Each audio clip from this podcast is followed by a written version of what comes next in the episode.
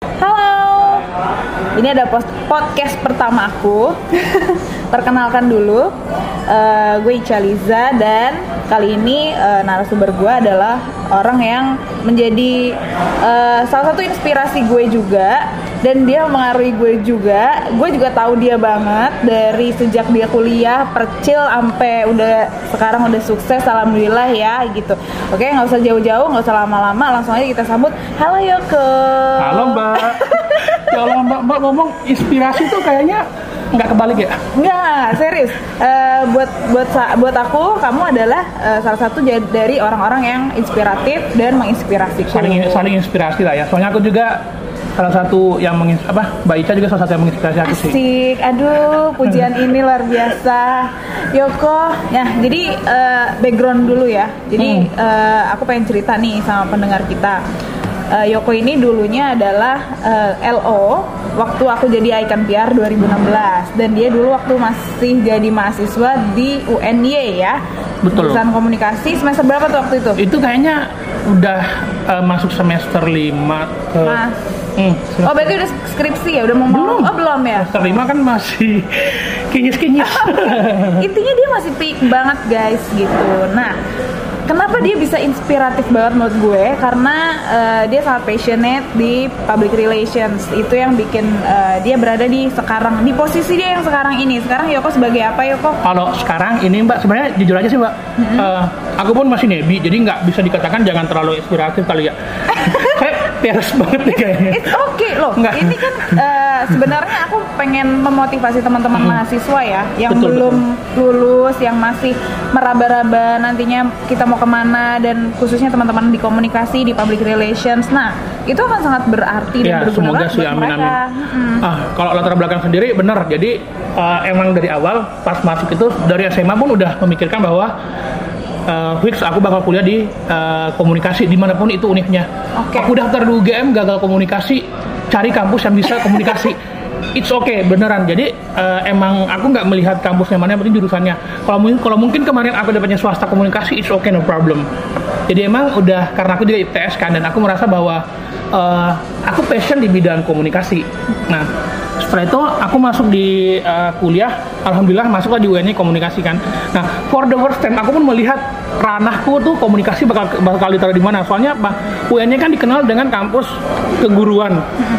Orang tuh mikirnya bakal gitu. Bahkan awalnya aku dipikirnya kamu jadi sarjana sarjana ilmu apa? Aku komunikasi. Oh itu SPD ya? No itu bukan SPD jadi semenjak dari awal pun di kuliahan pun aku udah mencari ranahnya di mana.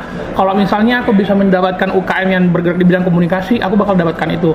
Makanya aku awalnya langsung masuk di humasnya salah satu tim yang bisa dikatakan lumayan bergengsi di UNY Oh luar biasa. Apa itu? Eh, Garuda UNY itu itu tuh kayak Oke. tim mobilnya di UNY bahkan ini yang mengantarkanku tuh pertama kali yang memasuki dunia komunikasi. Oh, humas. Oke. Terus terus. karena apa? Aku menjadi humas di situ dan sponsorship dan itu nggak main-main. Benar-benar kita dilepas sama kampus nyari duit ny apa berhubungan sama media ngirim rilis sampai bisa mengantarkanku ke Jepang. Kamu sempat ke Jepang ya, Ya, gara-gara Garuda UNY itu gara-gara ya? humas pokoknya. Jadi gara-gara Oh, komunikasi. gara-gara- iya emang.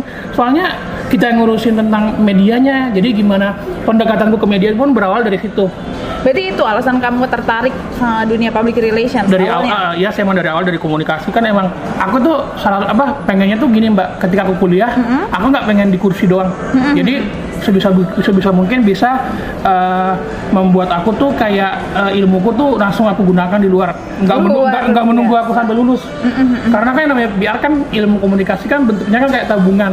Kerasanya kalau udah lama kalau bentar doang kan eh, apa eh, dia tuh ilmunya bukan kayak kalau IT kan oke belajar setelah itu kan nanti kerja dan lain-lain kalau komunikasi kan kalau mainnya kan kita kan jangka panjang kan investasi kalau kita nggak mulai dari dari awal hubungan sama media nggak bakal kebentuk kayak gitu lah mbak makanya aku mulai dari semester 2 saat itu Oke, sekarang sudah tahu ya teman-teman ya kenapa Yoko eh, tertarik sama public relations. Hmm. Nah, tapi sebenarnya apa sih yang kamu bayangin tentang public relations dulu waktu kamu mahasiswa?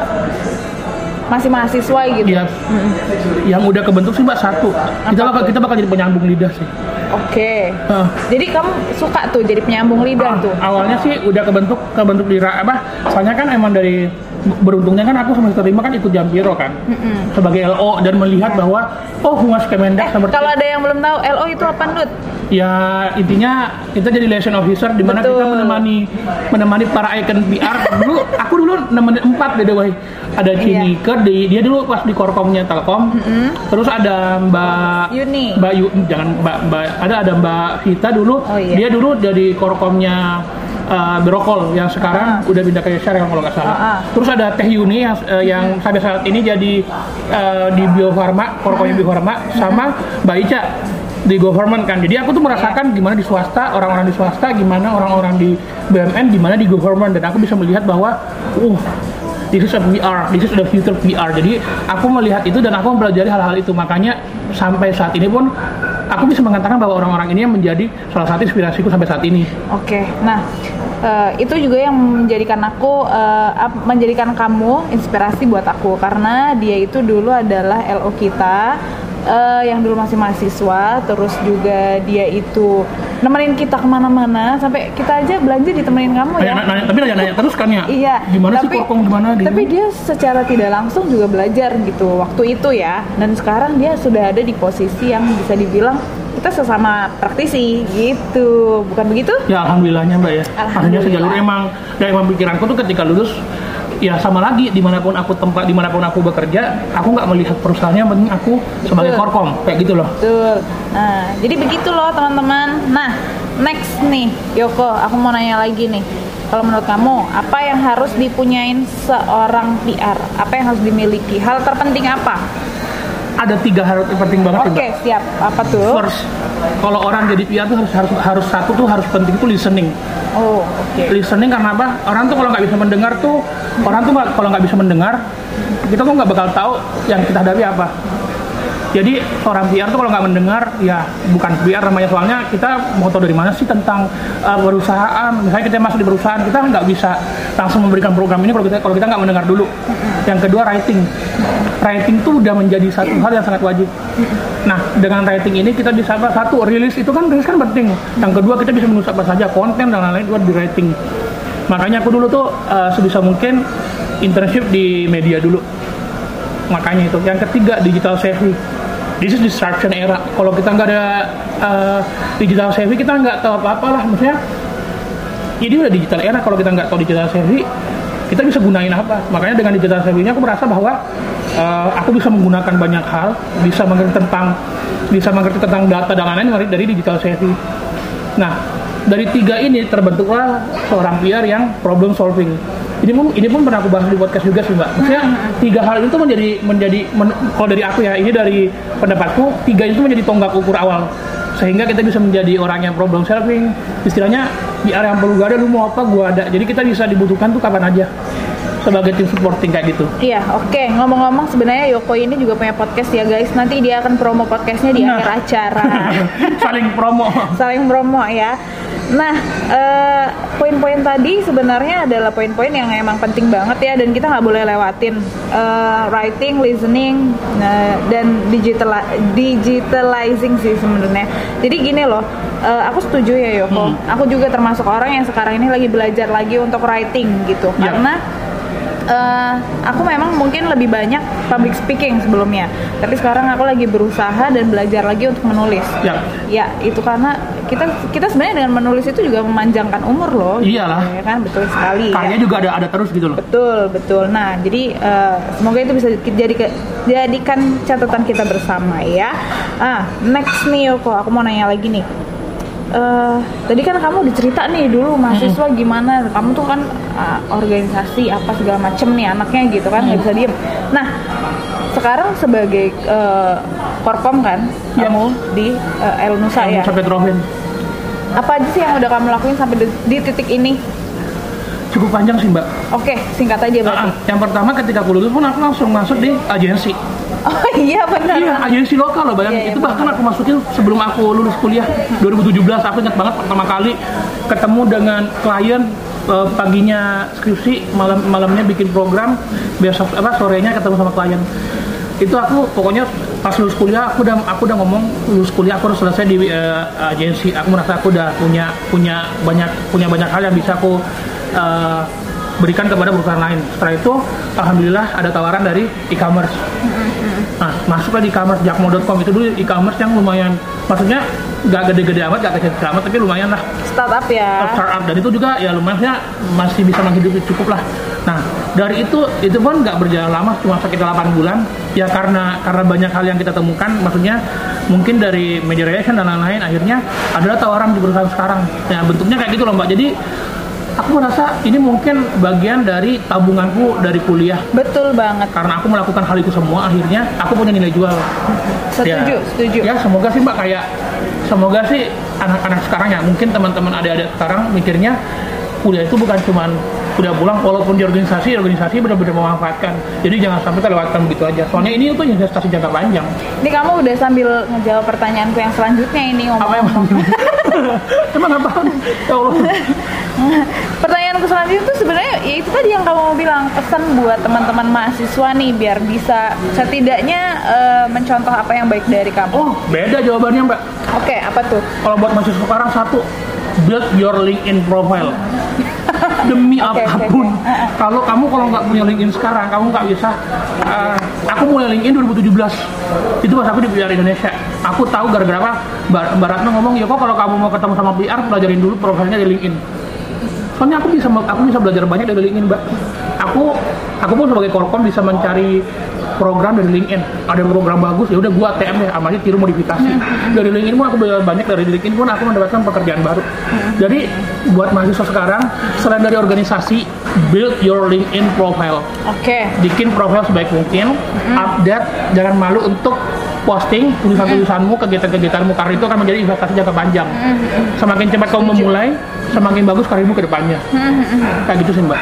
Terus apa lagi? selain itu ya itu tadi yang tiga poin itu belajar dari sekarang sih pokoknya mahasiswa tuh apa ya udah menjadi hal yang sangat bagus sih untuk memulai suatu hal karena mau nggak mau seorang komunikasi entah kamu besok S1 lanjut S2 entah kamu bakal masuk ke industri industri itu bakal berubah-ubah terus. Kalau kamu pelajari semakin banyak kamu bakal bisa eh, mengerti banyak hal tentang komunikasi Ya, itu aku setuju sih. Jadi eh, apa pun yang teman-teman lakukan, kalau bisa tuh mulai sekarang diarsipkan ya, di Hmm. di di ad- administrasinya dibenerin gitu. Kalau aku juga pesannya gitu, administrasinya dibenerin. Karena apa? Itu yang jadi tabungan kalian, itu portofolio portofolio kalian. investasi banget sih itu emang. Betul betul. Dan itu eh, mulailah membuat CV yang proper ya. Gitu. Eh, jangan ya, pokok jangan pakai bintang-bintang bos Heeh. jangan pakai grafik apa agak lucu saya man Ya. Ya memang kan eh, ini tips and trips eh tips and tricks and tips ya gitu. Jadi buat teman-teman gitu. eh, teman-teman mahasiswa yang mungkin sekarang ngerasa kalau aduh komunikasi nih bakal bakal Insecure gitu ya. eh, jadi apa nih? Eh, terus abis itu siapa nih yang bisa gue pak jadi panutan gue nih gitu. Karena taunya orang udah pada di atas aja gitu kan. Nggak tahu prosesnya gitu. Oh. dan ini penting gitu. Ketika eh, mantan mahasiswa komunikasi bercerita bagaimana prosesnya sampai akhirnya dia berada di titik ini gitu. Dan ini sangat menarik karena apa? Yoko itu agensi iya startup iya sampai akhirnya sekarang di BUMN ya Yoko ya. Nah, gitu. anak-anak anaknya. Anaknya BUMN. cucunya. Iya, justru itu kan maksudnya dia sudah berada, sudah pernah melewati fase-fase gitu kan yang akhirnya membuat dia belajar dan dia ber- eh, sekarang dipercaya untuk eh, ada di posisi yang sekarang gitu. Nah, akhirnya sekarang kalian pada tahu kan kenapa dia juga menjadi sa- salah satu sosok yang menginspirasi saya gitu. Ketika ada teman-teman mahasiswa yang nanya gitu, gue harus nyontoh siapa nih? Yoko adalah salah satu orang yang pasti akan aku rekomendasikan gitu loh, gitu untuk dicontoh baiknya, bukan begitu? soalnya ada juga hal yang nggak bagus mungkin ya ya itu kan pribadi iya kalau itu. cuman ya emang sih mbak soalnya kita balik lagi kan ya yang namanya yang namanya yang namanya korkom tuh ya. Ilmu komunikasi tuh ingat kita tuh ilmu tuh yang kita ada kita punya profesi yang terbuka sangat lebar. Bukan cuma ilmu komunikasi yang bisa masuk. Orang hukum bisa masuk orang sosiologi bisa masuk. Bahkan ada beberapa yang mengatakan bahwa anak-anak yang mungkin PR non PR seperti dia udah lama di industri itu mungkin dia anak teknik tapi dia udah lama di industri itu dia tahu banyak hal akhirnya dia jadi korkom ada yang kayak gitu makanya mau nggak mau kita punya kita punya ciri khas atau kita punya spesialis apa spesial spesialifikasi kalau kita nggak punya itu ya udah kita ah, Spesialisasi. kita bakal tergerus sih. Mau nggak mau harus harus matang di situ. Oke, Yoko, Eh, sepertinya per, eh, perbincangan kita tuh sebenarnya panjang banget ya yang tadinya aku cuman aku pikir Expect-nya 10 eh, menit ya? ini kayaknya cuma 10 menit kayak udah bingung nih mau ngomong apa ternyata kita enggak loh kita udah lebih dari 10 menit ya dan ini sebenarnya masih banyak banget yang mau aku gali dari kamu gitu intinya satu aku pengen memotivasi teman-teman mahasiswa Ya. ya untuk eh, dia bisa berkembang dia bisa tahu apa yang harus dia siapkan untuk masuk ke dunia kerja Hmm. khususnya begitu nah Eh, tapi kayaknya kalau kita ngobrol lebih panjang lagi bisa langsung ke podcast Yoko aja, bukan begitu? Podcast Yoko itu juga insightful ya kalau aku bilang karena apa dia mewawancarai beberapa orang eh, dan semuanya adalah orang-orang yang eh ada aku ding Ada aku di episode kedua inspirasiku juga. Jadi ya jadi orang-orang yang diwawancarain di Yoko adalah orang-orang yang eh, sangat bisa diambil ilmunya gitu. Kalau yang aku ambil yang baik-baiknya aja ya gitu. Nah, coba podcastnya Yoko. Jadi teman-teman kalau misalnya eh, mau mau lihat tentang dunia kepiaran bisa cek Hmm. langsung di Spotify eh, di eh, podcast Biar Talk. Ini udah sampai bisa 7 jadi banyak kan emang kita khususnya untuk biar sih Mbak. Jadi terakhir itu episode dengan dengan Teh Yuni. Ada juga sama Pas Mono Wikan ngomongin tentang media, ada sama Mas eh, Sobri ngomongin tentang eh, PR dan lain pokoknya eh, emang khusus untuk PR dan teman-teman bisa mendengarkan banyak di situ. Silahkan bisa kunjungi di podcast PR, PR Talk di eh, Spotify. Jangan lupa podcast PR Talk di Hmm. Spotify ya. Harus stay tune di sana kalau masih mau tahu tentang Yoko, masih pengen eh, apa ngobrol-ngobrol juga. Ngobrol-ngobrolnya secara satu arah tapi Yoko Hmm. doang yang ngomong.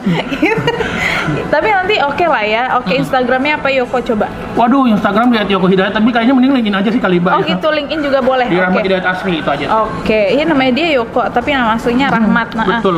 Nggak tahu deh, itu termasuk personal brandingnya Iya. dia juga ya. Udah cukup panjang ya. panjang banget ya udah deh aku tutup aja kalau. Oke terima kasih Yoko atas waktunya. Sampai jumpa lagi di podcast episode selanjutnya. Ya Allah ada handphone gue. Ya udah oke dadah